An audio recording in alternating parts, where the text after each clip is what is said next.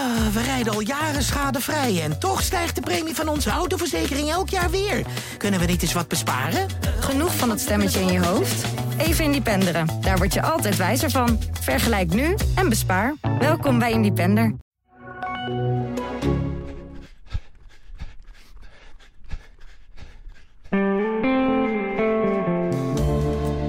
Feitelijk gezien klopt het misschien niet helemaal, maar gevoelsmatig maken wij inmiddels al een jaar de pacer. Zonder dat er al te veel wedstrijden op het programma eh, staan. Maar wat een ongekende luxe hebben we ja, momenteel eigenlijk mee te maken.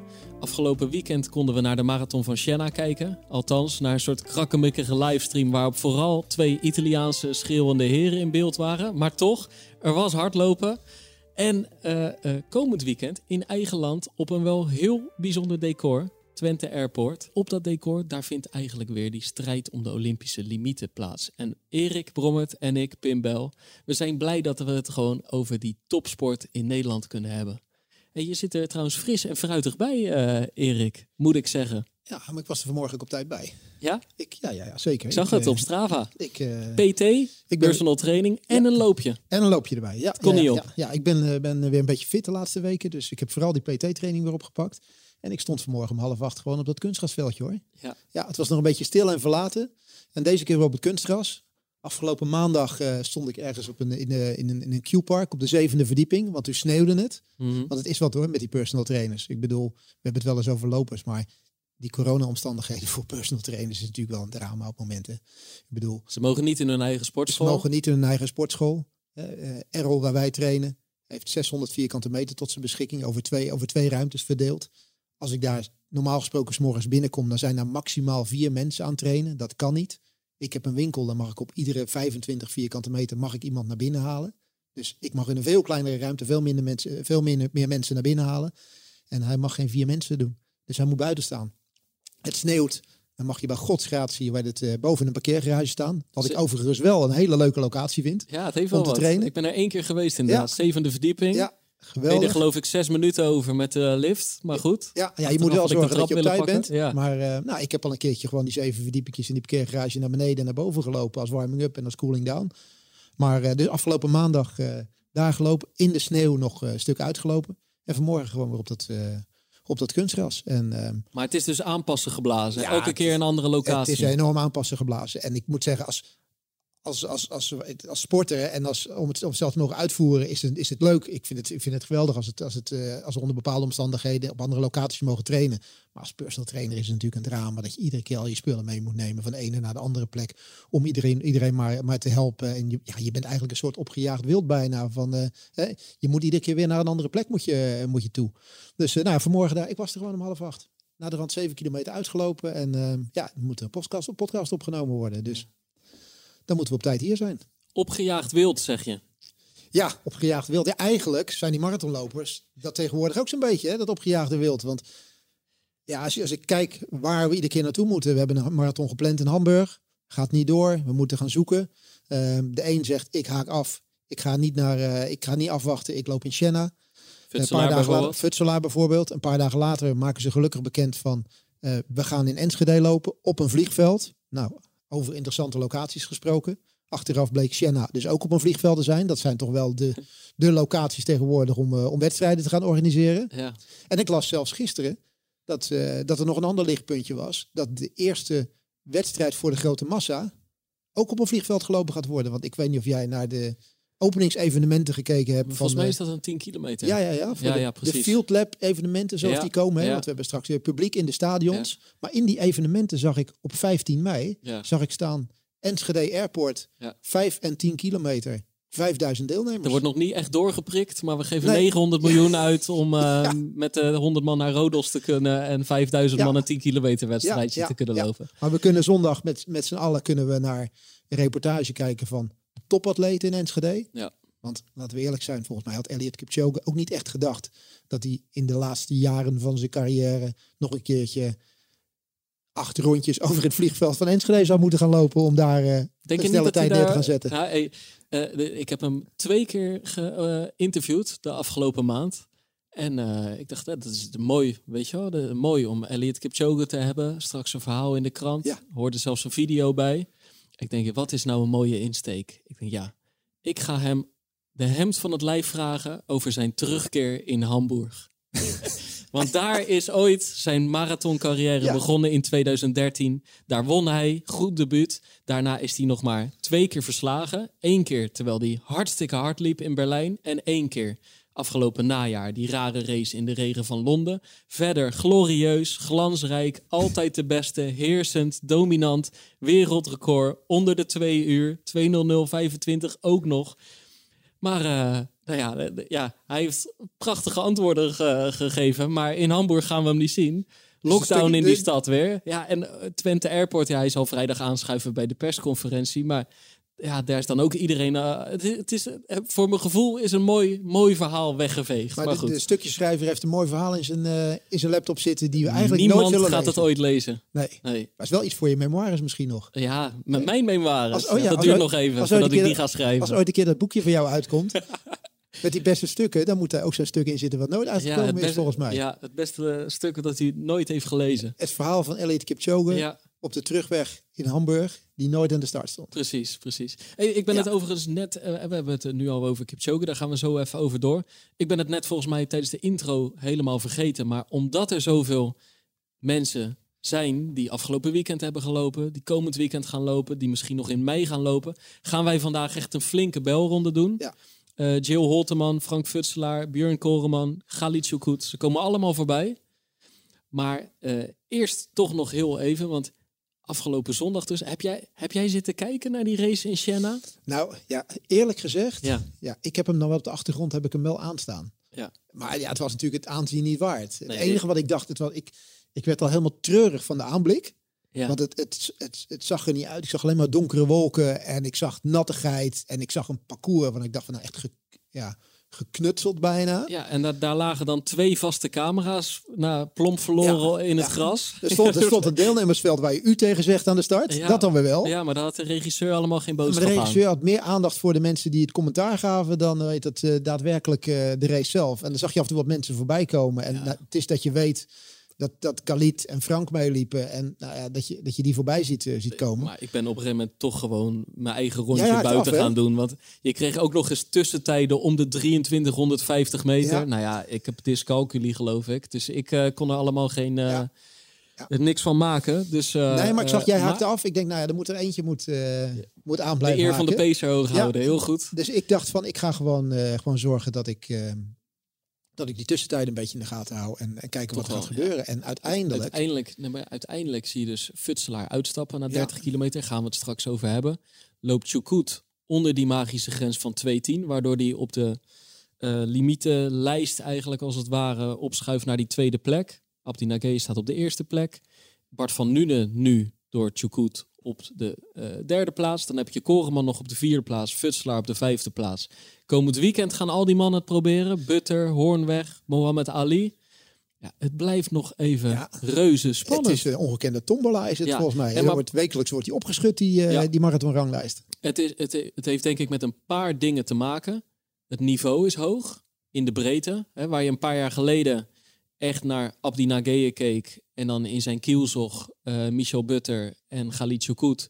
En dan waren er andere goede lopers, maar die zaten er echt wel vaak minuten achter. Ja. Dus je had te, te maken met de grote drie, als het ware. En die, die, die- nou, die liepen dan één à twee marathons per jaar. Dus. En nu heb je er gewoon ja, zes, zeven, acht van echt een hoog niveau.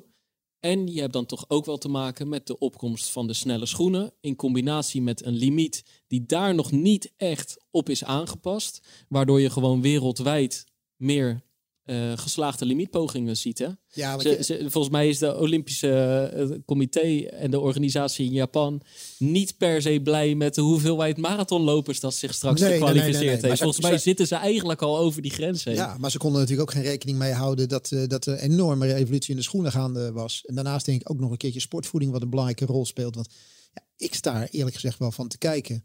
Los, los, los van de toptijden die er waren. Hè. Afgelopen, afgelopen vrijdag werd er hier onder de radar in Vlaardingen werd er ook een marathon gelopen. Door, eh, door regionale atleten, ook veel, veel atleten van, eh, van onze club.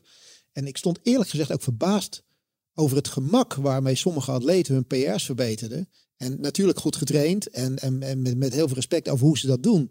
Maar de manier waarop er met die marathon omgegaan wordt momenteel, het gemak waar, waar, waarop snellere tijden gelopen worden, vind ik, vind ik echt verbazingwekkend. Ik, ik, was, ik dacht er echt van de week over na.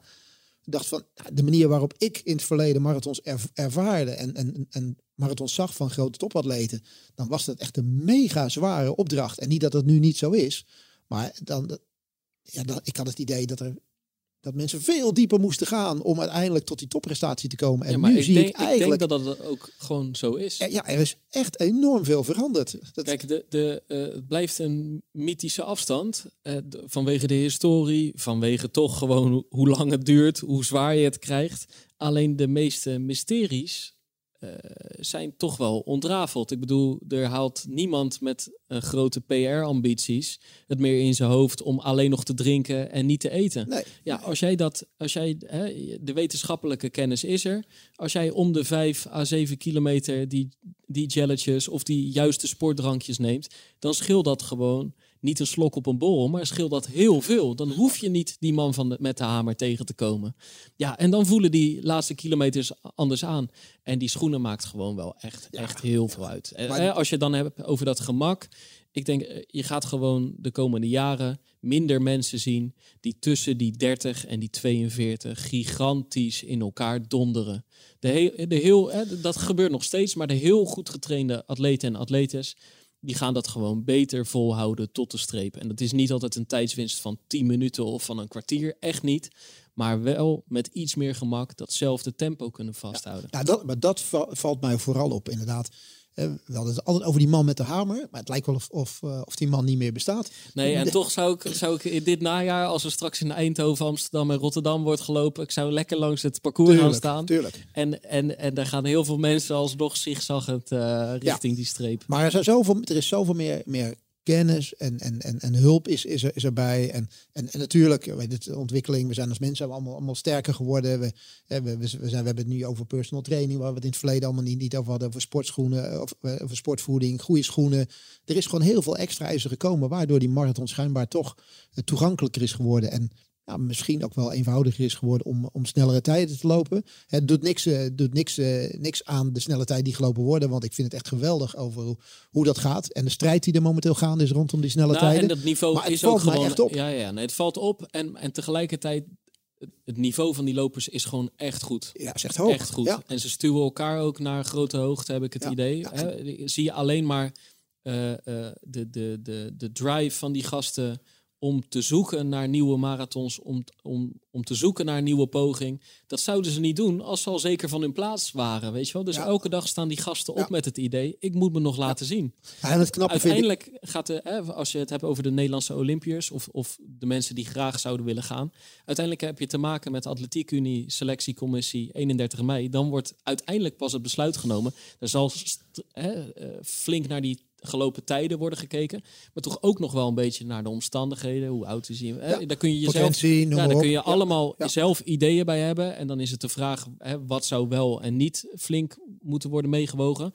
Maar toch, behalve Abdi, is er niemand die zich eigenlijk op dit moment zeker kan, eh, Nee. kan voelen. Nee, nee, nee. En, eh, nou, dat, en dat is het mooie. Ja. Die, die onderlinge rivaliteit die er is, die, eh, die is er niet alleen gericht op de limieten, maar het zorgt er ook voor dat ze gewoon nog scherper worden, nog beter worden. En, Hey, wat, Ja, verwa- fantastisch. wat verwacht jij komende zondag? Want dan wordt er daar dus op, die, op dat vliegveld uiteindelijk, hè, want Hamburg ging niet door. Toen even Global en NN hebben doorgezet samen Ja. met de, eigenlijk de organisatie Ja. van de NSGD Marathon.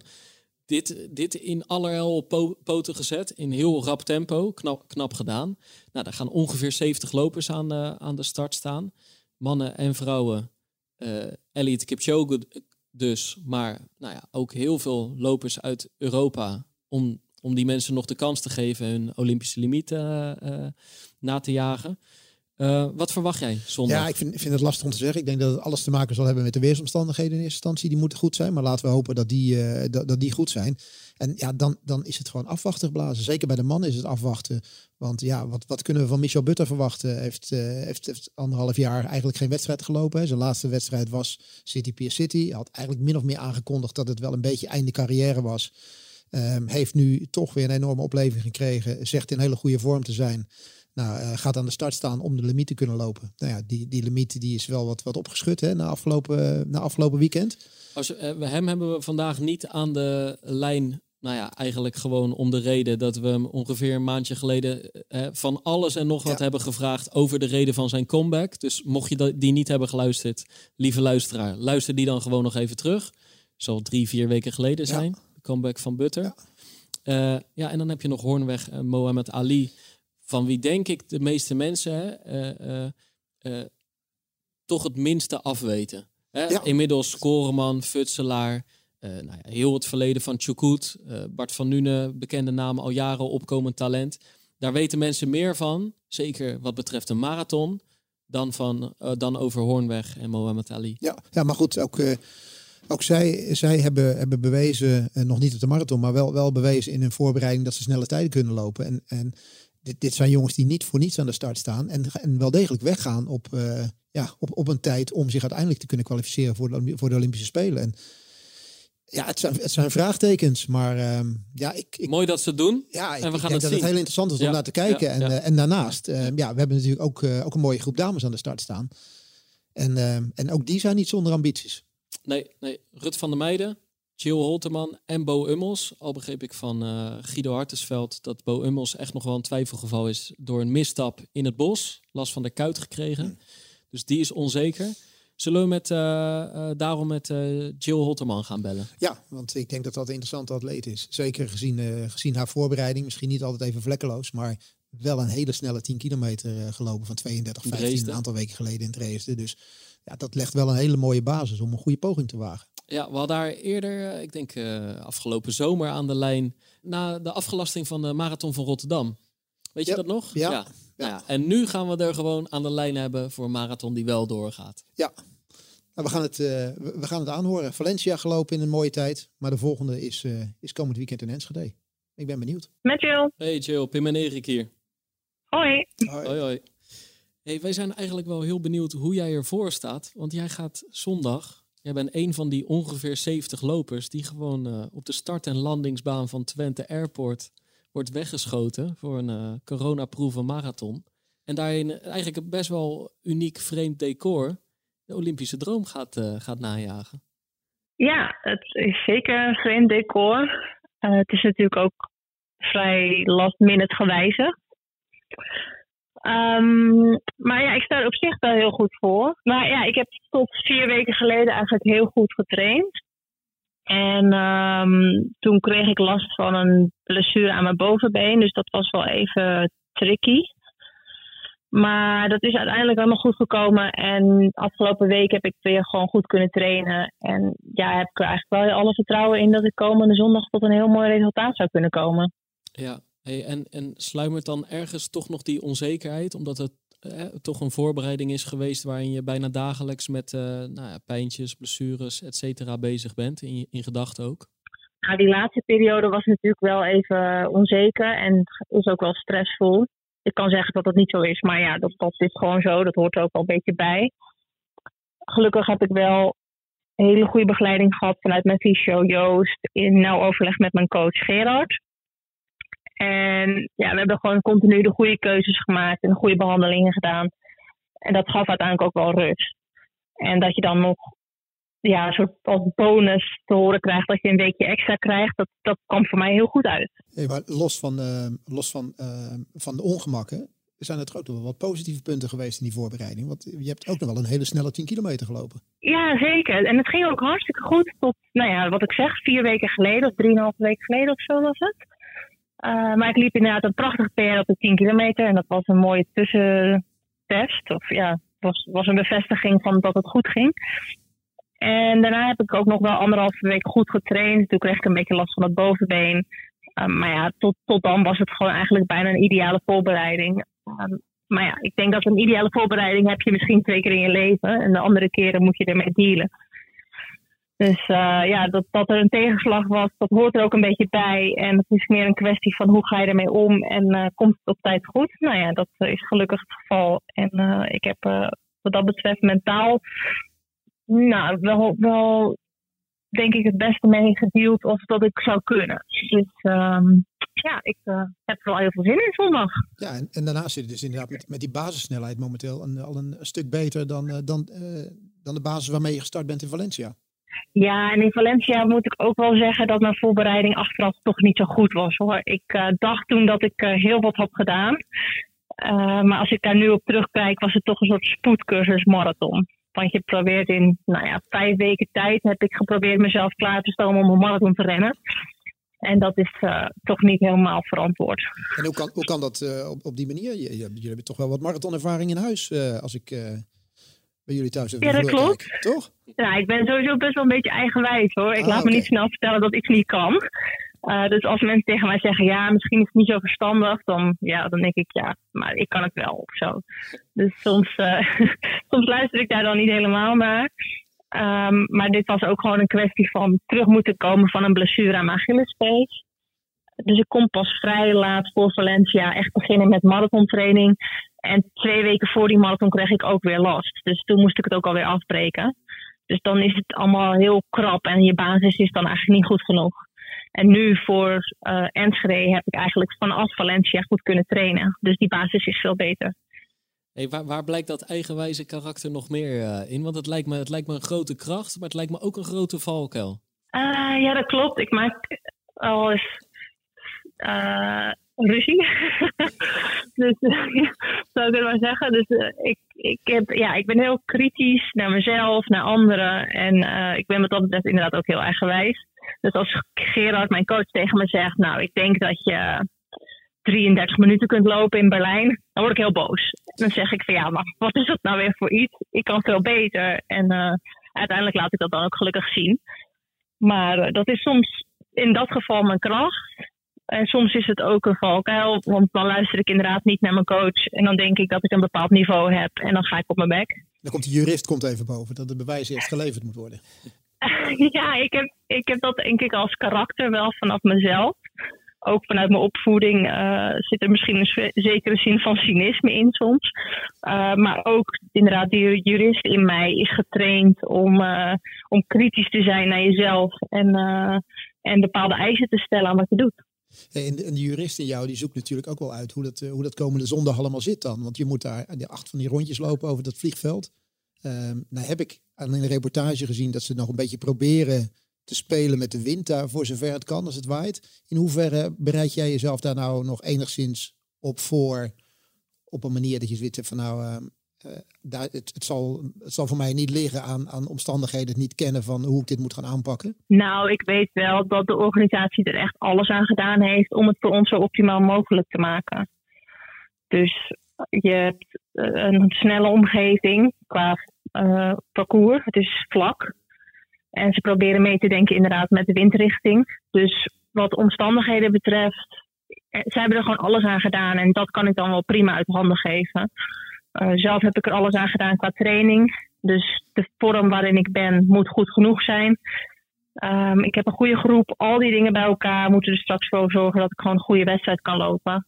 Um, dus het is meer een kwestie van ik moet zorgen dat ik die wedstrijd goed executeer en uh, goed uitvoer. En hoe gaat het zijn, denk je? Ga jij er tijdens het lopen van die marathon nog op enig moment, of misschien op meerdere momenten, aan denken dat je inderdaad op een vliegveldbasis aan het lopen bent? Of is dat straks, denk je, startschot en je hebt het niet eens meer door? Ik denk dat je het niet echt door gaat hebben. Meestal tijdens een wedstrijd krijg ik sowieso niet heel veel mee van de omgeving ik probeer altijd wel de eerste kwart van de wedstrijd toch om me heen te kijken. Een beetje energie uit mijn omgeving te halen. Maar nu zal het vrij snel uh, in mijn kokonnetje zitten. En proberen dan maar energie te halen uit de groep waarin je loopt. Ja, ja.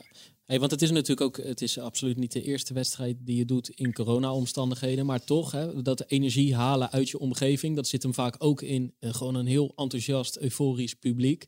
Ja, daar is natuurlijk ook weer geen sprake van. Nee, en dat zal wel echt even wennen zijn, denk ik. Want in Valencia zou er ook geen publiek zijn, maar toen stonden de straten gewoon even goed vol. En nu zal het echt worden afgesloten en zal het ja, op sommige punten, of eigenlijk op bijna het hele parcours, heel stil zijn.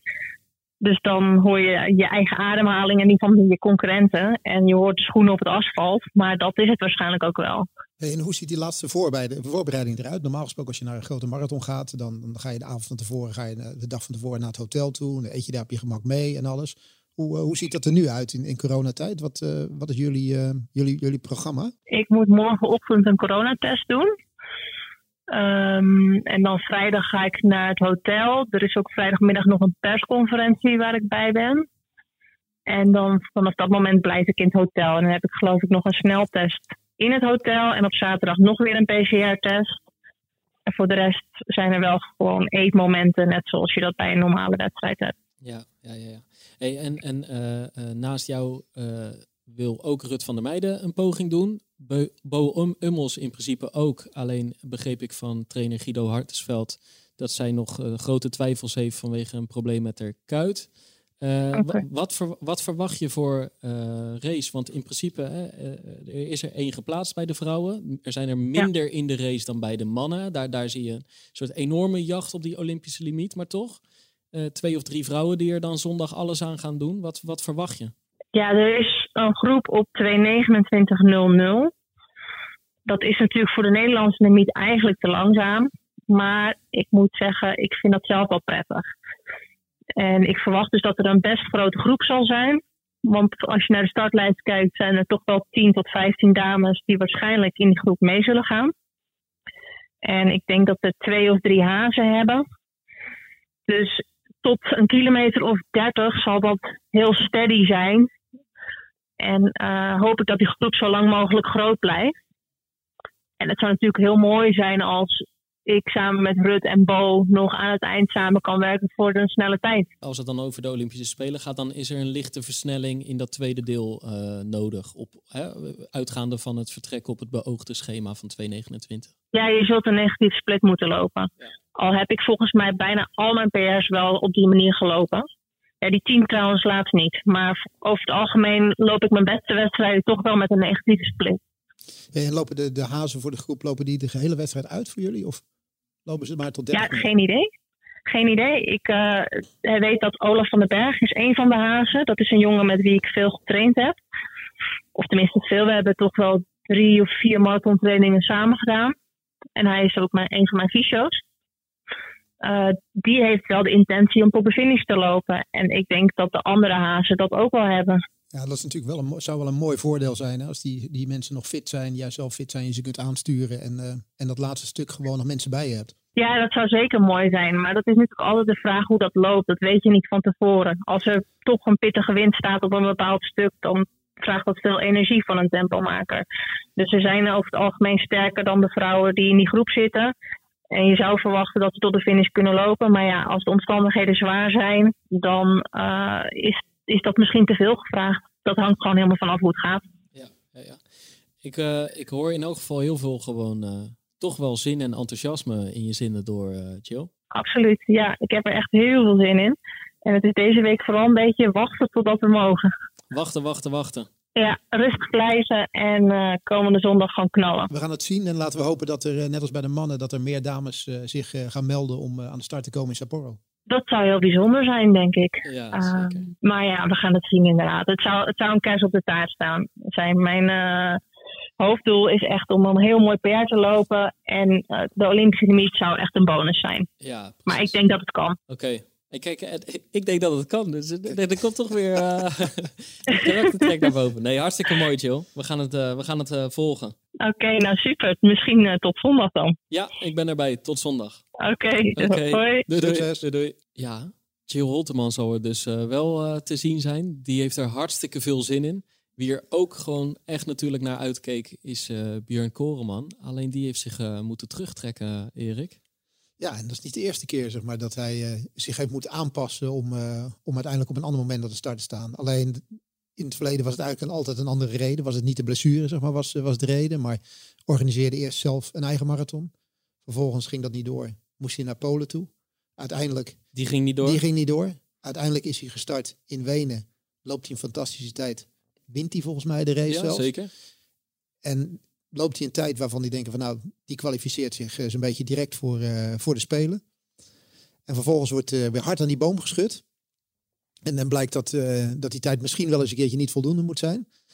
Ja, en dan nu ja, eigenlijk een soort van onfortuinlijk manier om, om niet aan de start te kunnen staan aan, aankomende zondag. Ja, ja, ja. Hey, maar dit is dus een beetje dat het voortdurende uh, flexibiliteit die gevraagd wordt hè, van mensen in de afgelopen periode, van topsporters ook in de, hè, vanaf vorig jaar maart eigenlijk, gewoon voortdurend moeten schakelen. Ja, en dat Leven in onzekerheid, trainen in onzekerheid. Uh, ja. Ik, ik, vind dat echt knap van, de, van die atleten op, op dat moment. Het continue moeten hebben van aanpassingsvermogen om, hoe heet dat, uh, ergens anders weer aan de start te moeten staan. En zeker met een marathon. Een marathon is echt een moment waar topsporters ja, laat zo, ik moet bijna zeggen in het verleden, want ja, er is momenteel, het huidige heden is gewoon heel anders. In het verleden echt naar piekte. je, hebt, je, je, hebt, je hebt echt een voorbereiding van, van, van, van acht tot misschien wel twaalf weken, maar zo normaal gesproken acht weken. Dat je echt werkt naar piekmomenten. Dat je, dat je op een gegeven moment begint te taperen en weet wanneer je aan toe bent, waar je aan toe bent. En in deze tijd kan het zomaar zo zijn dat gewoon anderhalf of twee weken voor dat evenement uh, van start gaat, dat er gewoon geroepen wordt, dat gaat even niet door. Ja, En dan moet je weer doorschakelen. En dan hebben deze jongens waar we, waar we nu mee spreken en deze dames, die hebben het vermogen om door te schakelen en alsnog topprestaties te leveren. Ja. Echt geweldig. Zullen we, zullen we even uh, gewoon horen hoe hij erin staat? Want hij heeft zich dus teruggetrokken tot komend weekend. Maar ik denk dat hij gewoon nog uh, vol plannen zit. Ja, ja hij heeft, uh, los van de blessure, heeft hij natuurlijk geen schade opgelopen van een, van een wedstrijd waarin hij gestart is. En, dus ja, daar, daar, daar moeten plannen zijn voor de toekomst. Daar is hij te ambitieus voor. Yes, laten we naar Björn Koreman gaan. Hey, met Björn. Hey Björn, Pim en Erik hier. Hey, goedemorgen. Ja, we hadden even wat technische probleempjes, maar nu hebben we je aan de lijn, Björn. En kijk, dan, kijk. Dan moeten we het niet voor het eerst in ons leven met jou gaan hebben over een geplande marathon waar je je uiteindelijk voor moet afmelden of die niet doorgaat. In elk geval, we gaan je niet in actie zien komend weekend. Dat klopt, dat klopt. Ja, helaas af moeten melden. Uh, ja, enorm jammer natuurlijk. Maar uh, ondertussen ben ik het wel gewend om uh, een beetje uit te stellen en zo. Dus uh, we moeten het ermee doen. Het begint bijna te wennen. Nee, maar de teleurstelling ja. zal groot zijn, toch? Ja, het is enorm balen. Omdat je gewoon echt trainingsstages bent geweest. al die tijd eigenlijk met één wedstrijd bezig bent geweest. En dat was 11 april, of nu 18 april dan.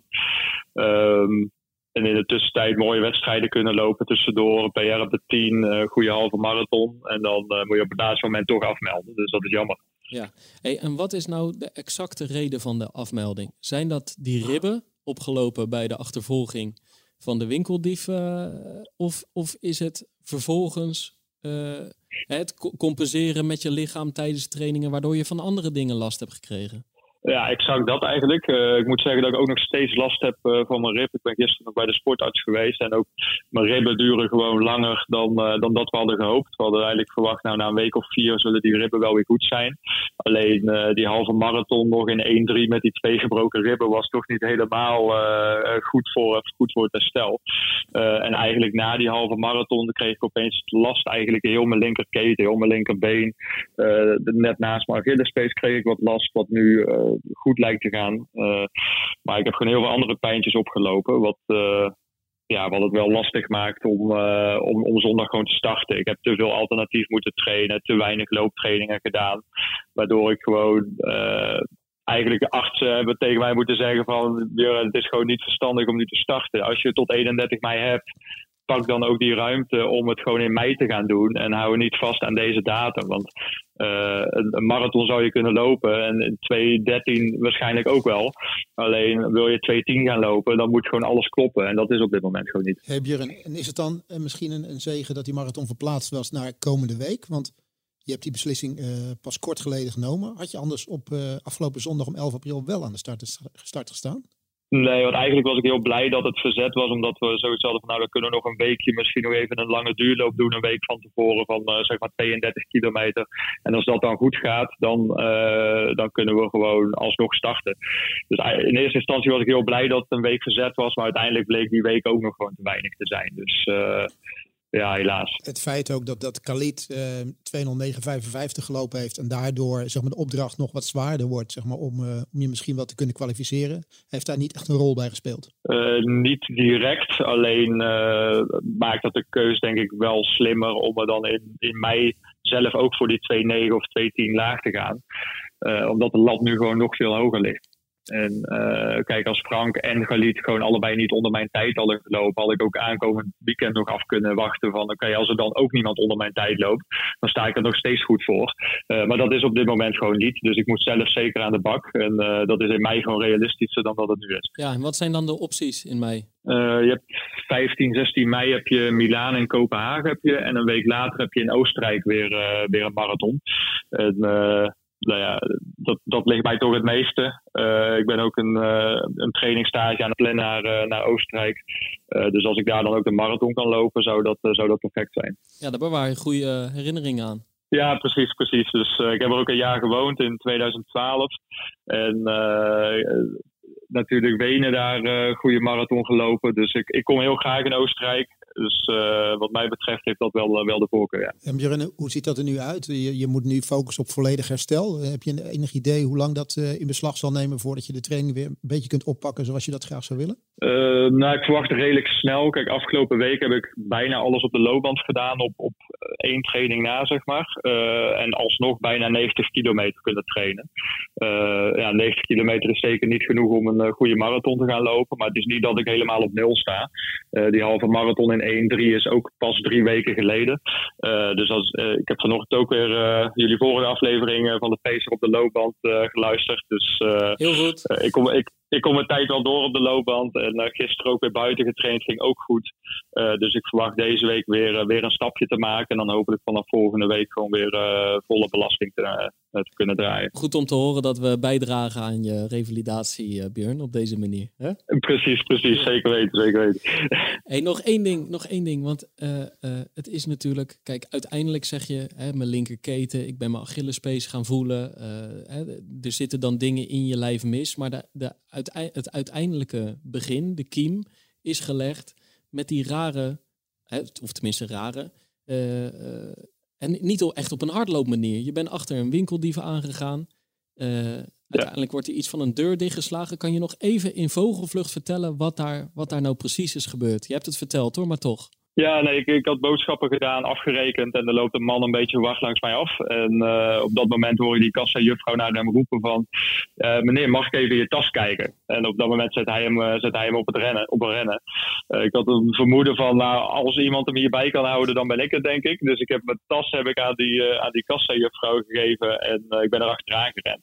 En eigenlijk na een paar honderd meter sloeg hij een, een winkel in, een, een, kledingmakerij. En op dat moment dacht ik ook van, oké, weer ik ga nou niet die winkel in, want daar heb je eigenlijk niks aan. Het zal waarschijnlijk vechten worden of, uh, iets als dat. En uh, op dat moment dacht ik, nou dan hou ik de deur gewoon tegen. Kunnen ze politie bellen en dan kan die hier opgepakt worden. Maar uh, hij werd gewoon helemaal gek. En hij trekt volop aan die deur, waardoor ik eigenlijk naar binnen word gelanceerd. En of hij heeft me daar nog een elleboog gegeven. Ik weet niet precies wat daar is gebeurd, maar ik heb daar gewoon een, echt een foute beweging gemaakt. En op dat moment voelde ik dat nog helemaal niet. En hij rende toen wel weg. En toen had ik wel zoiets van, nou, ik ren er niet nog een keer achteraan. Hij had wel zijn boodschappentas laten staan. Boodschappentas teruggebracht naar de Albert Heijn. En bosje bloemen gehad en zo. Dus dat was, dat was hartstikke prima.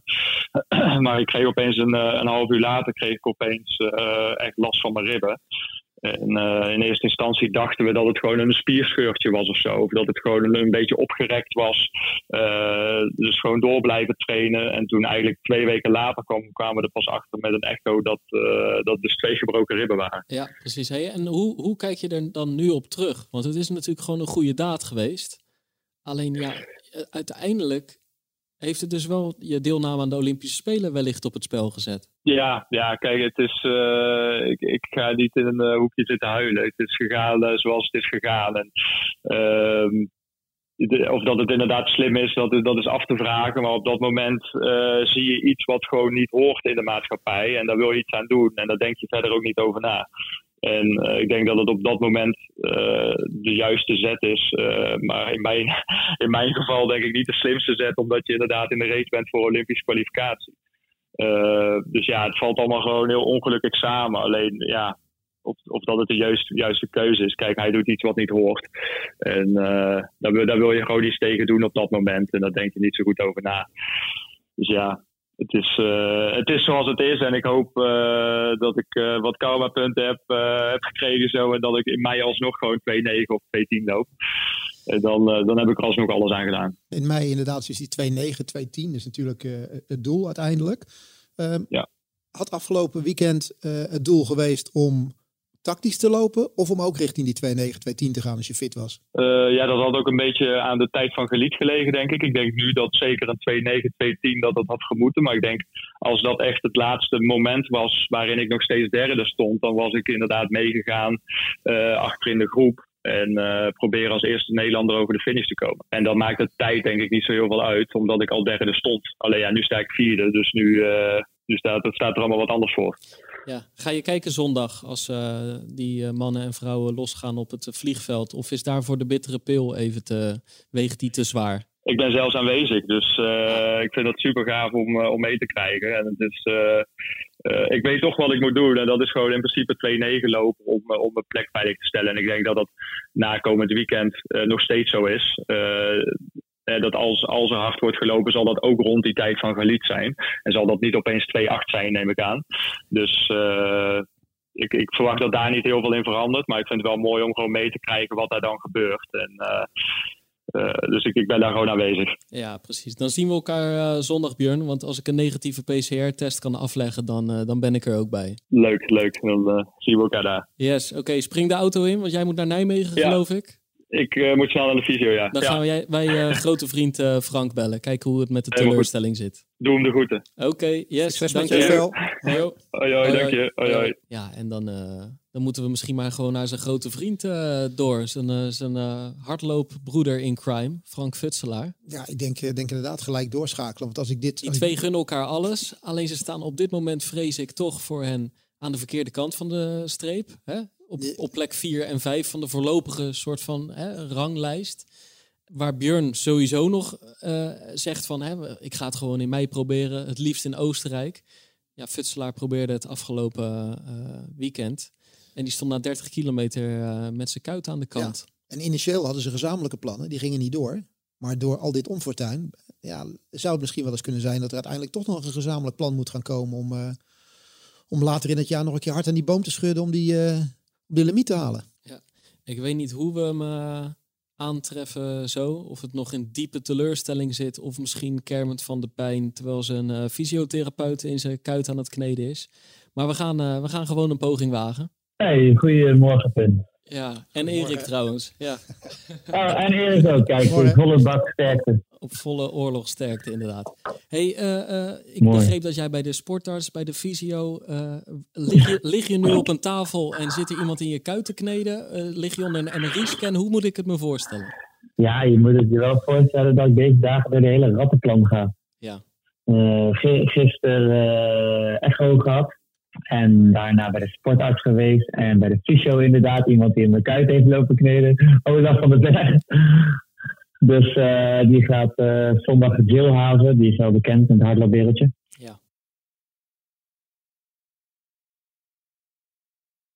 Na 30 kilometer, precies denk ik, hè? of net iets eroverheen, geef jij afgelopen zondag op in uh, de marathon van Siena op weg naar die, ja.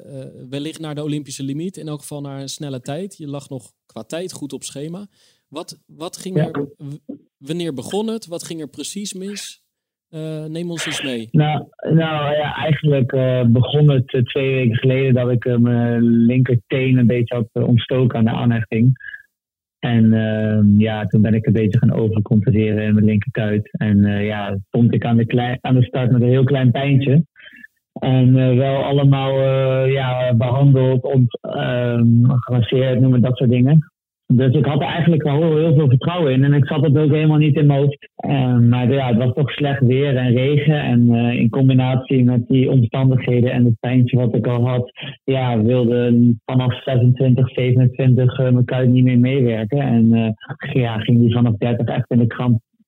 En is dat, is dat een, dus, een, vergel- een, vergelijkbaar probleem als dat je in, in Londen hebt gehad? Of komt dit echt voort uit, uit de compensatie die je gehad hebt naar aanleiding van het probleem wat je net schetste? Nee, dit is echt het gevoel hetzelfde als in Londen. Maar in Londen was het echt puur, had ik puur kramp vanuit de kou en had ik geen pijntje van tevoren.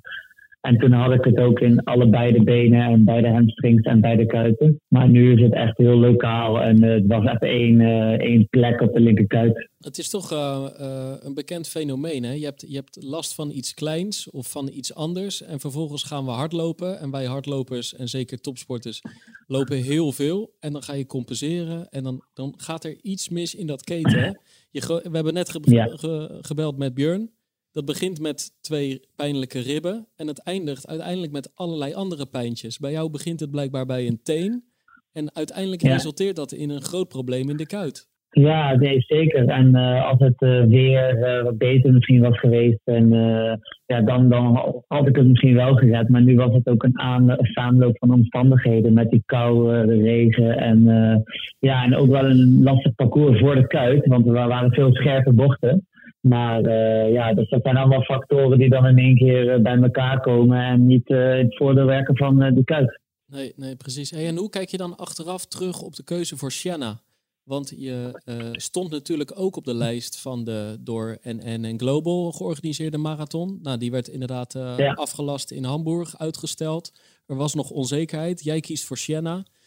Uh, eigenlijk een paar dagen ja. later wordt bekend dat hij een week na Siena alsnog doorgaat op Twente Airport. Hoe, uh, hoe kijk je nu terug op, die, uh, op die keuze? Nou, ik sta daar nog helemaal achter. Want op het moment dat ik die keuze moest maken, was Enschede nog niet bekend. Mm. En toen was er nog zoveel onzekerheid. En Senna zag er op dat moment goed uit. Um, en uh, de hele aanloop richting Senna was ook goed. En het weerbericht was ook eigenlijk oké okay in, in, Italië.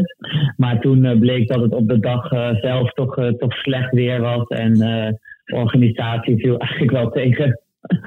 Er stonden heel veel uh, goede atleten aan de start, maar ja, er was weinig geregeld uh, rondom. Maar uh, ja, uiteindelijk was het, rondje, was het rondje snel. Maar ja, en, en, de omstandigheden vielen wat tegen. En ik was net niet helemaal fit. Maar ja, ik sta wel nog steeds achter de keuze. En heb je het idee dat je, dat je veel energie verspeeld hebt in die eerste 30 kilometer? Nu uitgestapt bent? Nee, echt, echt uh, ik stapte voor mijn gevoel echt precies op het moment uit dat de strijd ging beginnen. Uh, ik uh, was nog onderdeel van een groep van vier atleten. En ja, we begonnen met zo'n 30 in die grote groep. Ik liep nog met Richard Ringer en Galicia Koet en Roman Vos die, en. En ja, we gingen net echt in strijd om dit richting die finish te gaan. Richard die schoten vandoor bij 30 en Galit ging erachteraan. Ik liep op een klein gaatje erachter. Maar met de haast die er nog was, kon ik weer langzaam terugkomen. Maar op dat moment begon die kuit te veel te verkrampen. En uh, ja, moest ik die keuze maken. Maar ik zat net qua energie op het goede moment dat ik nog fris zat en niet in de verzuring. Dus ik ben er wel redelijk fris uitgekomen. Ik had lichte spierpijn, maar qua energie voelt het gewoon helemaal goed. Oké, en dat, dat houdt in dat, dat je zodra je hersteld bent, wel weer denkt aan eventueel nog nieuwe plannen? Ja, nee, absoluut. Zeker weten. Ik ben bij de sportarts gisteren geweest en, uh, uh, en bij de echo. En het blijkt gewoon uit dat er geen schade is. Ja, die spier is gewoon vermoeid. En uh, die, die, die is pijnlijk met uh, masseren, we kennen dat wel. Maar er zit geen scheur in, er zit geen permanente schade. Dus het is puur die vermoeidheid van die race. En uh, ja, dus als dat helemaal hersteld is, dan ja, hoop ik eigenlijk dat er niet heel veel aan de hand is. We spraken net Björn, die, die heeft plannen voor mij. betekent dat, dat dat jullie daar misschien al samen contact over gehad hebben? Ja, we hebben zeker samen contact over gehad. Ja, absoluut. Ehm, nou ja, ik wacht het nog eventjes uh, vandaag en morgen even af. Kijken of ik nu weer kan, uh, kan lopen. En uh, ja, nou, over echt wat ik echt ga doen, dan moet ik nog even nadenken. Ik snap, hè, we vragen ook helemaal niet om, om nu op dit moment duidelijkheid te geven. Want je zit nog helemaal in die medische molen. Dat begrijpen we allemaal. Het is ook nog iets te vers, denk ik. Maar toch, ergens klinkt hier al in door dat, dat je die Olympische droom nog niet helemaal heb opgegeven voor nu. Dat, dat er wellicht nog een poging in mei gaat, uh, gaat volgen. Nee, die heb ik uh, eh, 100% nog niet opgegeven. En uh, nee, daar ga ik volle bak voor, want ik ben nu gewoon in vorm. Dus als ik het nu kan, uh, kan laten zien, dan doe ik het het liefst zo snel mogelijk. En ja, wat dat betreft sta ik er ook positief in. Kijk, als ik nou echt vermoeid uit was gekomen en dat je aan je lijf merkt, oké, ik ben niet meer zo goed in vorm. Ik, ik trok het niet meer. Maar nu sta je voor je gevoel met een lekker band aan de kant. En op het moment dat uh, de eindfase in zicht is, en uh, als ik uh, door was gegaan, ik, had ik weet niet hoe het dan was gegaan. Maar ja, ik wil wel die strijd aangaan en niet uh, op deze manier te ondergaan. In de tussentijd is de lat natuurlijk wel wat hoger gelegd qua, qua limiet. Ja, absoluut. En dat is natuurlijk ja, heel mooi voor de marathon in Nederland. En Bart en Galit hebben dus nu ongeveer hetzelfde niveau laten zien. Nou, er zit weinig verschil tussen. wel natuurlijk ja, 20 seconden, ongeveer 100 meter. Maar uh, ja, de lat, de lat is een stuk hoger gelegd, ook voor mij en Björn. Ik zag een mooie foto van uh, jou bij de finish. Jij bent natuurlijk uitgestapt. De teleurstelling moet gewoon groot zijn. En dan hang je, uh, buig je voorover, eigenlijk over een liggende Galit. Die daar, nou ja, een van zijn ja. mooiste loopprestaties van zijn carrière heeft neergezet. Dus het was een mooi moment in elk geval in beeld. Ja, ik, ik stapte uit en ik had geluk dat ik redelijk in de buurt van mijn kleren was. Dus ik kon best wel snel wat aantrekken. En uh, ja, vervolgens uh, Richard en Khalid liepen in die laatste ronde. Dus ja, ging ik naar de finish kijken om te kijken of zij het gingen halen. Ja, en uh, dan ga je gewoon aanmoedigen. En ik zag dat Richard er 2-8 liep en Galit liep er ongeveer 300 meter achter. En ja, dat was top dat hij het kon halen onder de 2-10. En daar hadden we het op een hele mooie manier. Ja. Dus ja, dan loop je naar hem toe en dan feliciteren, want dat verdiende hij. En dat, dat, ja, dat, dat is voor ook heel normaal wat mij betreft. En uh, ja, wat een geweldige prestatie van hem. Ja, ja, ja zeker, zeker. Hey, wat is je volgende afspraak voor je kuit? Want uh, heel die agenda stroomt vol op deze manier. Je, we konden er nog net een pacerbelletje tussen vinden. Nee, ja, ik ga nu naar, uh, ik ga nu naar de fysio en uh, vanmiddag eventjes naar uh, Herzog. Die hebben een soort van compressiekoelapparaat even aangeboden wat ik kan gebruiken. En ja, morgen naar Olaf weer. En, maar het, ja, het voelt wel wel goed hoor. Dus ik kan er al wel niet meer wandelen. Ik ga voor, dat van, ik ga voor vandaag voor het eerst weer joggen. Oké. Okay, okay. Kijken hoe dat aanvoelt. Goed zo, goed zo. Goed om te horen. En uh, thanks voor je tijd weer. En uh, we spreken snel. Ja. Yes. Graag okay. gedaan, heren. Yo. Oké. Okay. Doei. Ja, die foto. Ik wilde het dus toch even nog over die foto hebben. Want ik vond dat echt gewoon. Uh, ik zag dat veel later pas. Want hè, de, de, de, Italiaanse regie had dat uiteraard niet in de, in de uitzendingen opgenomen. Maar op een gegeven moment zie je Frank Futselaar zo over uh, Chukut heen buigen. Twee uiterste eigenlijk. Hè? De man die is uitgestapt en de man die daar uh, nou, een van de prestaties van zijn topsportcarrière heeft neergezet. Ik vond het echt een mooi moment. Ja, ik vind dat knap. Als je eigenlijk zo'n teleurstelling moet, uh, moet verwerken. Je gaat er net 30 kilometer uit. Je weet dat het misschien wel een van je laatste kansen is. Je weet dat je in topvorm was. Je zit in diezelfde groep notabene, waarin, uh, waarin 2-10 gelopen kan worden. Dan val je uit. En dan is het de spullen bij elkaar pakken. En, en zorgen dat, dat ik langs de kant sta om Khalid nog eventjes die laatste, die laatste aanmoediging misschien wel te geven. En hem naar de rand gewoon te feliciteren met een geweldige marathon die hij gelopen heeft. En dat, uh, ja, dat is een respect. Ja, dat Khalid goed waanzinnig goed kon hardlopen en wisten een snelle marathon in de benen had, wisten we. Maar wij hebben zo vaak tegen elkaar gezegd, Erik, ook zeg, vooral buiten de microfoons eigenlijk gewoon, als we over Jan en Alleman aan het roddelen zijn met z'n tweeën, omdat we het altijd over hardlopen moeten hebben blijkbaar hebben we gewoon zo vaak gezegd van het, het, komt er gewoon zo vaak niet uit. En uh, uh, of het zit zo vaak tegen. En uiteindelijk is die goede marathon, dat debuut van 2014, is alweer zo lang geleden. Gaat hij het nog een keer laten zien? En dan ineens, eigenlijk toch, hè, we weten dat hij goed kan lopen, maar dat wisten we in het verleden ook. Altijd was er iets, of leek er iets te zijn, vooral op de marathon. En eigenlijk dan hebben we hem een jaar niet gezien, of anderhalf jaar niet gezien, want zo vaak verscheen hij niet bij wedstrijden, of helemaal niet eigenlijk. En in, ineens doet hij dan datgene wat we eigenlijk hadden verwacht na dat debuut in 2014. Ja, ja hij, hij, hij heeft nu volledig zijn eigen plan getrokken. En, en we hebben eigenlijk al die jaren wel, wel gezien dat, dat hij eigenlijk een enorme potentie heeft. Alleen dan zie je ook weer dat de wetten van de marathon gewoon ook weer zo zijn dat niet iedere marathon datgene brengt wat je wil. Hoe goed je jezelf ook voorbereidt. Er zijn altijd dingen die kunnen gebeuren onderweg. En of het bij hem dan eh, een blaar is, of, je, of een valpartij, of, of je hebt je dag niet, of wat dan ook.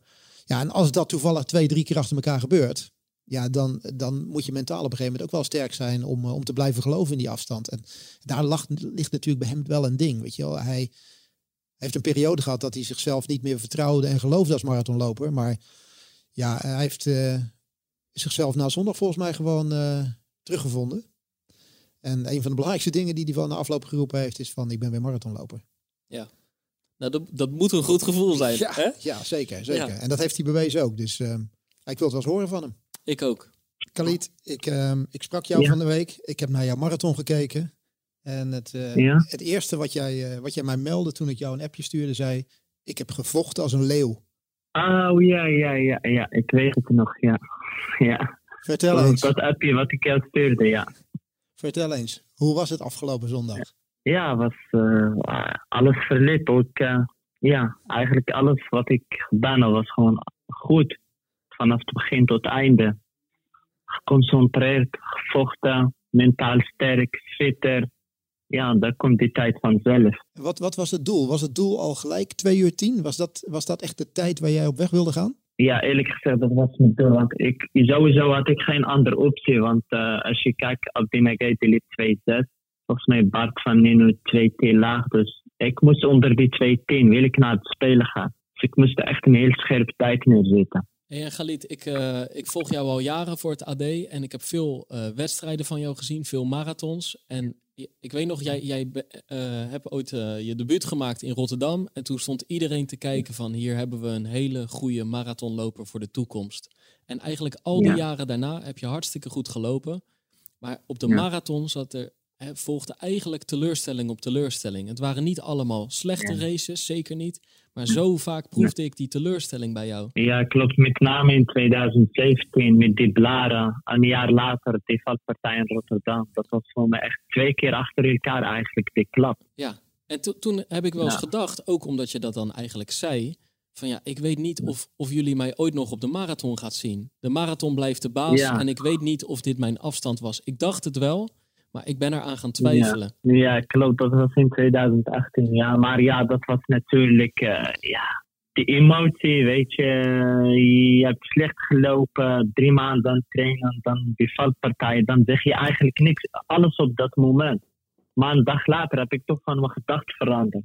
En, en denk je dan nu ook weer aan die emoties? Nu, nu je eigenlijk wel weer die euforie en die, uh, die enorme blijdschap hebt. Denk je dan ook aan die moeilijke momenten terug? Ja, zeker, tuurlijk. Want dat heeft mij ook meer uh, een sterke atleet gemaakt. Ik bedoel, ja, als, je die als ik die tegenslagen niet had, had ik misschien nooit zo die tijd kunnen lopen. Dus dat heeft mij echt weer heel sterk gemaakt. Ik heb al een stukje van die euforie eigenlijk teruggezien in 2019, toen jij finishte in Rotterdam. In, uh, ja. in, eigenlijk was het 2013 dat je liep. En daar kwam, ja, klopt, eigenlijk 2013, al, ja. daar kwam eigenlijk al een hele blije Khalid over de streep. Die zei van, ik kan het nog steeds. Ja, dat, dat was ook de bedoeling. Want uh, toen ik, toen ik uh, zeg maar in 2018 na die valpartij, toen uh, volgens mij maandag, een dag later, deelde mij Mario Kadis, Khalid, alsjeblieft niet stoppen. Je kan het, je hebt een geweldig aanleg op dit afstand. Hij zei, Khalid, denk alleen maar aan die 2014, want je kan het. Weet je? En dan hij zei van Khalid, als je een jaar later terugkomt, uh, wil ik dat je gewoon alleen maar die marathon uitloopt. Je hoeft niet aan tijd te denken of wat dan ook. Gewoon lekker lopen, gewoon die marathon uitlopen. En dat heb ik ook gedaan. Dus daar was voor mij eigenlijk het begin naar deze succes van nu. Ja, precies. En als ik dan naar, naar dit succes kijk, je, je gaf van de week gaf je, gaf je naar mij aan van deze coronaperiode is eigenlijk wel een periode die voor jou helemaal niet zo slecht is geweest omdat ik uh, nee. eigenlijk nu geen wedstrijden hoefde te lopen in die voorbereiding. In het verleden moest je dan nog een halve marathon lopen en deed je meer wedstrijden. Nu heb je geen wedstrijden hoeven lopen. En je zei, mijn focus was alleen maar op de marathon. Ja, klopt. Maar dit is, uh, deze, deze periode heeft mij ook heel sterk gemaakt. Maar ook mentaal ben ik vrees. Uh, ik had altijd die druk om te presteren. Dus die anderhalf jaar was ik, ja, ik bedoel, zo goed uitgerust. Ik kon alleen maar doortrainen. Ik was niet geblesseerd geraakt. En daardoor heb ik dit hoog niveau gehaald. Maar nu weet ik, nu weet ik dat ik een atleet ben die niet veel wedstrijden nodig heeft om te kunnen presteren. Dus dat is een goede, goede les voor de toekomst. Precies. Hey, en maar, en, uh, maar tegelijkertijd, niemand was jou vergeten. Maar je was natuurlijk wel echt uit beeld. Want waar andere mensen bijvoorbeeld vorig najaar toch nog een halve marathon of een marathon coronaproef hebben gelopen in Londen, Valencia of waar dan ook. Eh, was jij eigenlijk nergens te zien en vroeg iedereen zich af van, joh, hoe zit het met Galit? Is die nog net zo goed Ja. als vroeger? Ja, klopt. Maar ik deed veel testen natuurlijk. Als je kijkt wat ik allemaal... eh, op, ik was veel op Instagram bezig, weet je. Want ik heb echt geweldige testen gedaan in mijn eentje. Op 30 kilometer, een halve marathon. Ik heb zelfs een 10 kilometer in mijn eentje in 28, 45 gelopen. Weet je, dus... eh, ja, ik was eh, bezig, maar niet natuurlijk in echte wedstrijden of zo. Dat, eh, maar het was ook moeilijk met corona. Ik kon niet overal in wedstrijden binnenkomen. En waar heb, waar heb je voornamelijk eh, gezeten? Heb je voornamelijk in, in Marokko getraind of heb je echt veel in Nederland ook gezeten? Nee, ik heb echt die anderhalf jaar echt alleen maar in Nederland getraind. Behalve een maand voor Beren heb ik, ben ik wel een maand geweest in Marokko. Dat was eigenlijk in die half, anderhalf jaar ben ik maar één keer naar Marokko geweest. Is dat, is dat ook voor jou ook een, een teken dat je niet per se altijd op hoogte hoeft te trainen om, eh, om je niveau te gaan bereiken? Ja, dat is echt zo. Dat heb ik gemerkt. Dus kijk, in die tijd was ik eigenlijk te veel op hoogte. Misschien daardoor niet echt mijn beste niveau kan halen. Maar nu eigenlijk heb ik al die maanden gewoon in Nederland getraind. En zo zie je dat ik ook in Nederland een, een hoog niveau kan halen. En tegelijkertijd heb je ook Marokko misschien gemist. Want eh, ja, jij hebt eigenlijk twee landen achter je naam staan. Hè? Je voelt je en, Ja, en klopt. enorme Nederlander, maar je hebt ook enorme warme Ja. gevoelens voor Marokko. Ja, tuurlijk, dat is sowieso. Weet je. Tuurlijk heb ik dat gemist, weet je. Ik bedoel, ja, in die tijd was ik echt elke maand aan het reizen naar Marokko. En dan opeens die anderhalf eh, jaar in Nederland. Dat was voor mij eerlijk gezegd ook weer moeilijk geweest. Ja. Ja. je mist weer, je mist eten, je mist de locatie waar je altijd traint. Ja, maar het was heel moeilijk geweest, zeker. Hey, nu, je spreekt nu over eten. Wat dat betreft kwam het niet zo slecht uit dat de marathon afgelopen weekend was. Hè? Want met, met de Ramadan die nu net gestart is, Ja. had het niet de meest ideale voorbereidingsweek voor jou geweest. Ja, nee, zeker niet. Maar ja, dat wist ik ook wel. Ik dacht, dit is mijn laatste kans, weet je. Ik bedoel, ja, ik kan gewoon niet een, eh, marathon in de Ramadan lopen. Ja, kijk, je mag veel eten natuurlijk die dag. Maar sowieso heb je geen goede voorbereiding daarvoor. Dus dat was voor me echt heel goed dat ik voor Siena marathon heb gekozen. En niet voor een andere marathon. Hoe gaat de komende periode voor je eruit zien? Je hebt nu een mooie periode om, eh, om te herstellen. Ehm, het is natuurlijk afwachten wat er komende zondag gaat, eh, gaat gebeuren. Hoe, eh, hoe, hoe zie je de komende maanden? Ja, de komende maanden is het even herstellen van de marathon natuurlijk. Even een weekje gas terugnemen. Dan ga ik weer heel rustig voorzichtig weer beginnen met opbouwen. Dan misschien pak ik weer wedstrijden. Maar ik moet even nog met mijn coach overleggen. Plannen waar we kunnen stage, wat we kunnen doen om echt, eh, echt op een hoog niveau te halen bij te spelen. Dus ik, ik weet het nu nog niet. Ik moet even met mijn coach en mijn management zitten hoe we dat eh, de komende maand gaan doen. Mocht jij definitief aangewezen worden voor de Spelen, dan neem ik aan dat we jou niet meer voor, eh, voor de Spelen op de marathon terug gaan zien. Nee, zeker niet. Nee, nee absoluut niet. Nee. Dan ga ik alleen maar focussen. Ja, eh, ik ga weer kleine wedstrijdjes lopen, zoals 10 kilometer half om die wedstrijd en een ritme op te doen. Maar geen marathon, nee, zeker niet. Nee. In hoeverre eh, voelt het eigenlijk al, nou ja, zeker wil ik niet zeggen, maar eh, hoe groot schat je je kans in? Want je hebt nu de tweede tijd staan. Kijk, dat Abdi gaat, mits die fit blijft, is wel zeker. Ja. Dan sta jij tweede op de lijst, Bart van Nuenen derde. Koreman vierde, Ja. Futselaar vijfde. Die twee hebben eigenlijk ook aan de limiet voldaan, maar langzamer dan jou gelopen. Maar er komen ook nog marathons in mei, waar bijvoorbeeld Bjorn en misschien wel Frank ook aan mee willen doen. Komende zondag lopen nog Michel Butter, Ja. Roy Hornweg en Mohamed Ali. Hoe, hoe schat jij je kans in? Ja, dat, ja, weet je, kijk, ik bedoel, die atleten die trainen net zo hard als ik. Ik weet hoe zwaar deze discipline is. Ze doen er alles aan om de Olympische limiet te lopen. Ik zou het echt niet weten hoe hoog mijn kansen zijn, weet je. Ja, ik heb in ieder geval de lat voor in echt heel hoog gelegd. Dat is echt een heel tijd. Ik als je kijkt de missie, ja, weet, weet, ik weet niet wat ik kan. Roy Hornweg wordt zijn debuut. Ali Mohammed schat ik echt van die twee echt misschien hoger.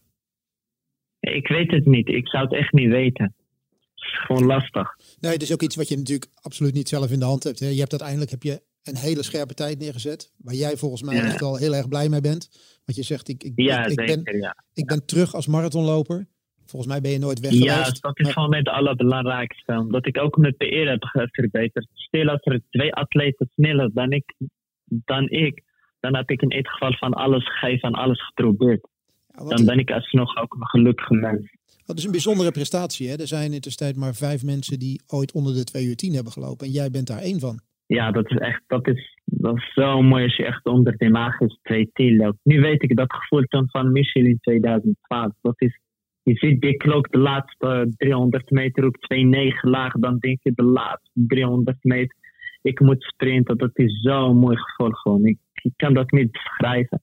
Probeer het toch eens. Beschrijf dat gevoel eens. Van die laatste meters, je ziet die klok wegtikken en je hebt het gevoel, ik ga daaronder lopen, onder die magische grens van 210. Ja, ik weet echt niet ook dat. Ja, zo moeilijk. En vooral zag ik ook nog Frank Voetselaar de laatste 100 meter me aanmoedigen. Khalid onder de 210, onder de 210. Ja, dat vond ik wel sportief van hem, eerlijk gezegd. Hij was, ja, heel ja, teleurgesteld, maar alsnog kwam hij echt uh, bij mij in de finish mee omhelzen. En, uh, dat vond ik heel sportief van hem. Ja, want het is top, een- top, topsport draait het niet alleen maar om topprestatie, maar ook respect voor elkaar hebben. Ja, en jullie, jullie blijken elkaar dus veel te gunnen, de, de marathonlopers van nu. Ja, tuurlijk. Kijk, dit is een hele zware discipline. We weten allemaal hoe hard je voor moet trainen om deze tijden te lopen. En daarom gunnen we elkaar dit, weet je. Ik bedoel ook nu het niveau in Nederland door ons eigenlijk is zo omhoog gegaan. Want nu, ik bedoel, is echt ongekend dat er zoveel atleten de Olympische limiet hebben gelopen. Want Dat is volgens mij nog nooit gebeurd in de geschiedenis. Dat er zoveel atleten gewoon de Olympische limiet hebben gelopen. Ja, en ik denk dat dat, ik denk dat, dat eh, heel goed is voor de Nederlandse atletiek-. Het is denk ik gewoon een, alleen al een motivatie, ook voor jou en voor, eh, voor de andere atleten. Om uiteindelijk die lat nog Ja, hoger te gaan leggen in de toekomst. Ja. Ja, zal- zeker. Kijk, in die tijd was het Michel Aldi en ik die echt een hoog niveau de marathon hebben. De rest was daar, verschillen waren heel groot. Maar als je ziet, er zijn gewoon zes atleten, vijf, die dat echt zo een beetje dicht bij elkaar zijn. ja. Hey, en Want dat is echt zeker mooi voor de Nederlandse atletiek. en ik wil, wil nog één vraag hebben om af te sluiten. Hè. Stel, bij het Khalid staat aan de start in, eh, tijdens de Olympische Spelen. Ja. Jij vindt het prachtig om mee te doen aan de Olympische Spelen, maar jij, jij wil daar ook presteren, toch? Ja, absoluut. Ik heb gezegd, als ik naar het spelen ga of maak niks uit een toernooi, dan wil ik niet op vakantie gaan. Weet je. Dan wil ik echt presteren. Want ja, ik bedoel, zo'n spelen maak je maar één keer in een vier jaar. Dus je, ik bedoel, ja, dat is ook een verantwoordelijkheid. Want je draagt een oranje shirt en je moet echt presteren. Het is niet zomaar dat je daar op vakantie gaat. Dus we gaan daar geen afle- af, eh, bij de afwachtende Khalid Chakut zien. Hij gaat gewoon nee, aansluiten niet. en gaat gewoon Ja, ik proberen mee te doen. met die mee. Ik ga echt mee te doen, ja zeker. Ja, dat is de bedoeling. En dan volgt er daarna, in, het- in het najaar, wel weer, wel weer een vakantie naar Marokko, gok ik. Ja, dat zou geweldig zijn. Als ik echt goede resultaten haal in eh, spelen, dan zou dat echt een lekkere vakantie zijn in Marokko. Ja, ja, Groots genieten. Hey, was, eh, was goed je te Ja. spreken, Galit, na, na de mooie Ja, prestatie van de afgelopen zondag. Ja bedankt Erik. hè. Oké, Yes, Oké. dankjewel. Geniet ervan. tot ziens. Fijne Hoi. dag. Weet je wat wel mooi is, Erik? Kijk, het is heel vaak over die acht seconden van Michel Butter gegaan. Hè? Dus, dus eh, in 2016 wil hij naar de Olympische Spelen in Rio de Janeiro. Komt hij in de regen en wind van Amsterdam uiteindelijk acht seconden tekort. En eh, dat was ook het verhaal. Dat heb ik bijvoorbeeld, dat verhaal heb ik de volgende dag in Ja. de krant gehad. Eigenlijk in de slipstream ervan, en dat is een beetje ondergesneeld, 34 seconden boven die 211 eh, komt Galit Chakut daar over de streep in het Olympisch Stadion. En 34 seconden in die omstandigheden is ook niet veel. Die heeft er echt wel dicht tegenaan gezeten al. En eh, eh, het, het is nog niet zeker. Hij voelt zich ook nog niet zeker. Toch is hij voorzichtig al aan het dromen van daar presteren. En dan een lekkere vakantie in Marokko met een goed gevoel. Maar toch helemaal zeker ja, durft hij nog niet te zijn. En terecht, ook door die pogingen van in elk geval Björn Koreman. Van komende zondag de drie mannen, van Futselaar misschien nog. Maar toch, dit is, hij voelt zich weer marathonloper. Daar begonnen we al mee. En, maar dat, dat moet gewoon heerlijk zijn, toch? Ja, natuurlijk is dat fantastisch. Die heeft op een gegeven moment gevoeld in die race dat het, dat het er gewoon in zat. En hij, hij zei van ik vond het zelf moeilijk te omschrijven. Maar op een gegeven moment weet, je- weet je gewoon dat het erin zit. Voel je jezelf sterk. Je hebt ook gezien, hij liep, ik heb gezien, hij liep zijn laatste 10 kilometer in 30, 15. Dus dat betekent gewoon echt dat hij het laatste stuk heeft kunnen versnellen. Ja, en er is natuurlijk niks, niks mooier als gevoel als jij in een marathon in staat bent om in de laatste kilometers te kunnen versnellen. Want dat betekent gewoon dat je eigenlijk ja, die afstand onder controle heeft. En dat is wat hij ook, wat hij denk ik ook bedoelt met zeggen, ik ben weer marathonloper. Dus dat, dat vind ik altijd. Ja, dat, dus, dat durf je te zeggen als je, als je zeg maar. Als je de afstand hebt verslagen. Als je die afstand hebt, precies. En niet andersom. Nee, als je die afstand hebt verslagen. En die afstand verslaat jou zo vaak.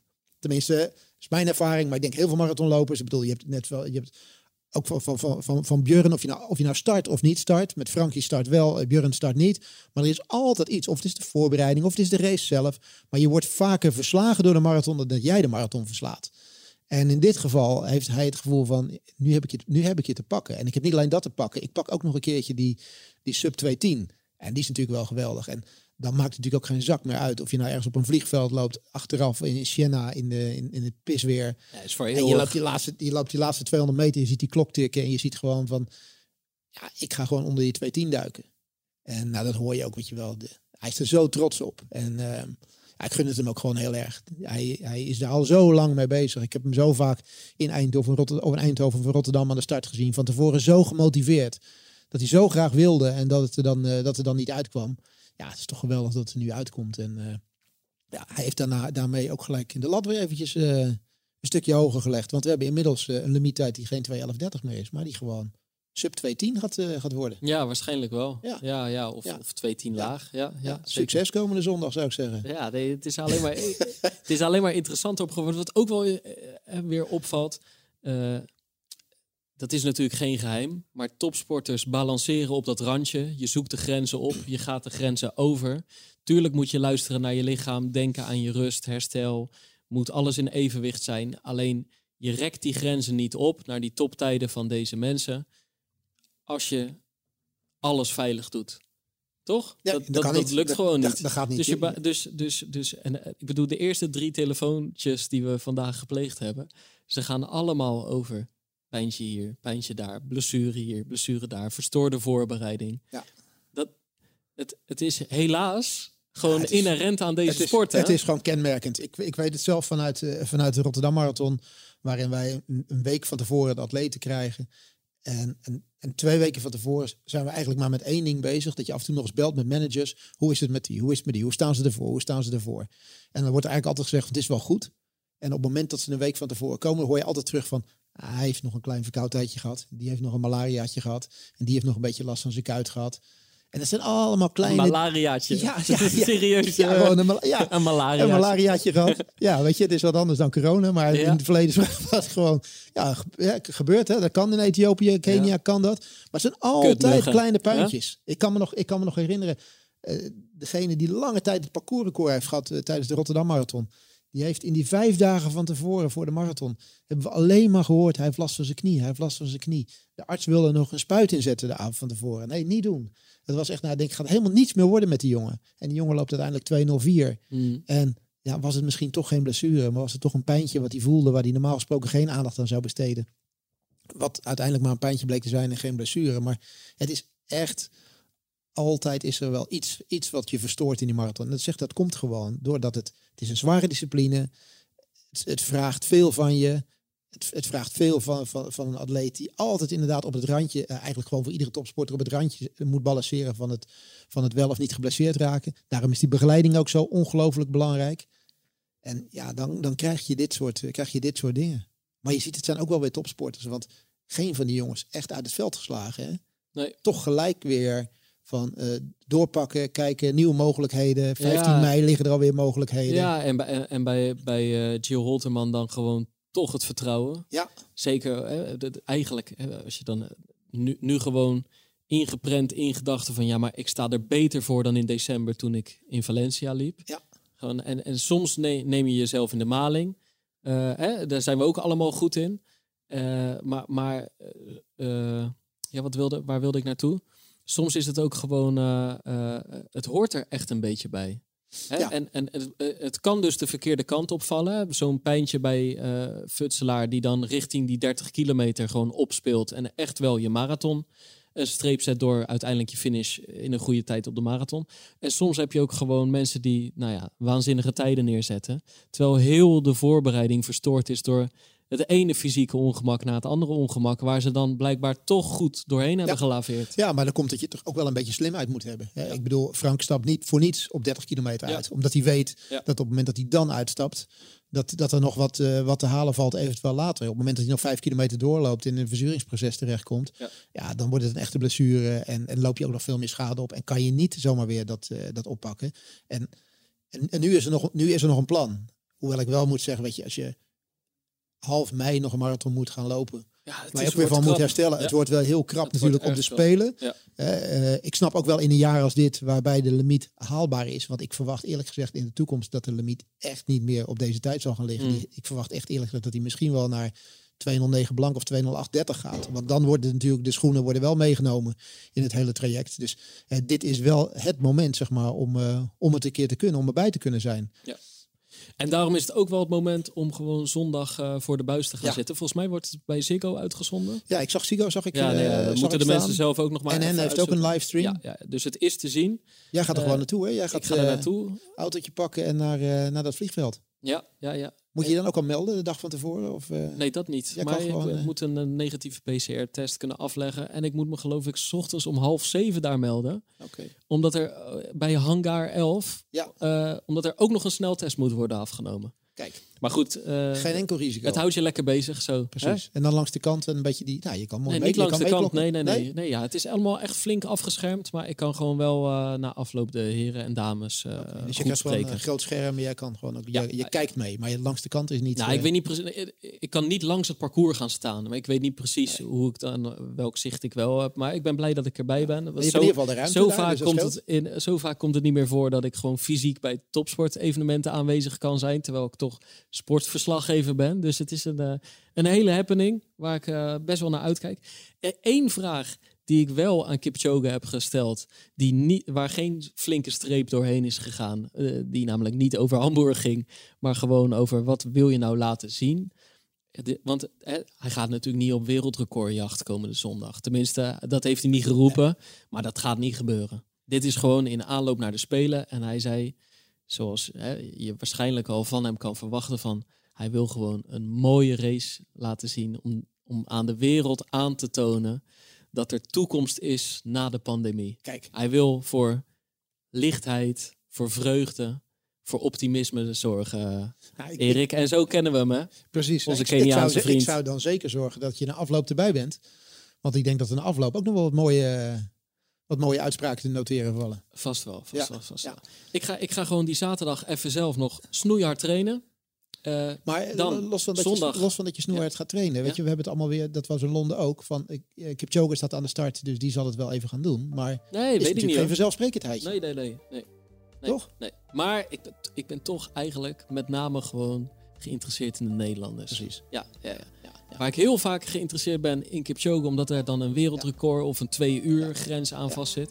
Ik zit nu gewoon op die limietenjacht. Ja, eh. nou, laten we hopen dat de camera's er ook op gericht zijn dan de komende weekend. Ja, Toch? ja, ja, ja. Nee, ja, ja. Hey, eh, eh, zaterdag snoeien trainen, dan zondag die marathon. En volgende week ga jij met mij op de fiets mee, hè? Ja, want je hebt Tijdens een mijn lange duurloop van twee op uur. het programma. Ja, dat wordt kan, je er nog wat, kan je er in ieder geval wat over twee uur? Twee uur duurloop op 90 à 95 procent van mijn beoogde marathon pace.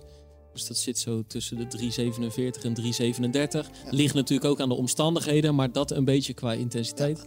Mag jij lekker mee Kan fietsen en een keer een bidonnetje aangeven? Bidonnetje aangeven. Ja, dan gaan we eens even kijken in ieder geval hoe de, hoe de overlast erbij hangt. Ja, ja, ja. Zoek maar trajecten af- uit, eh, van ongeveer 32 à 34 kilometer, Erik. Ik mag een parcoursje uitzoeken. Nou ja, ja, ligt een beetje.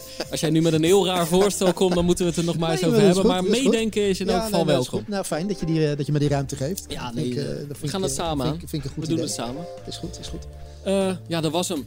Ja. Dus wij hebben er in elk geval zin in. Ja. We hopen jullie ook. Blijf luisteren, blijf lopen en tot de volgende Pacer.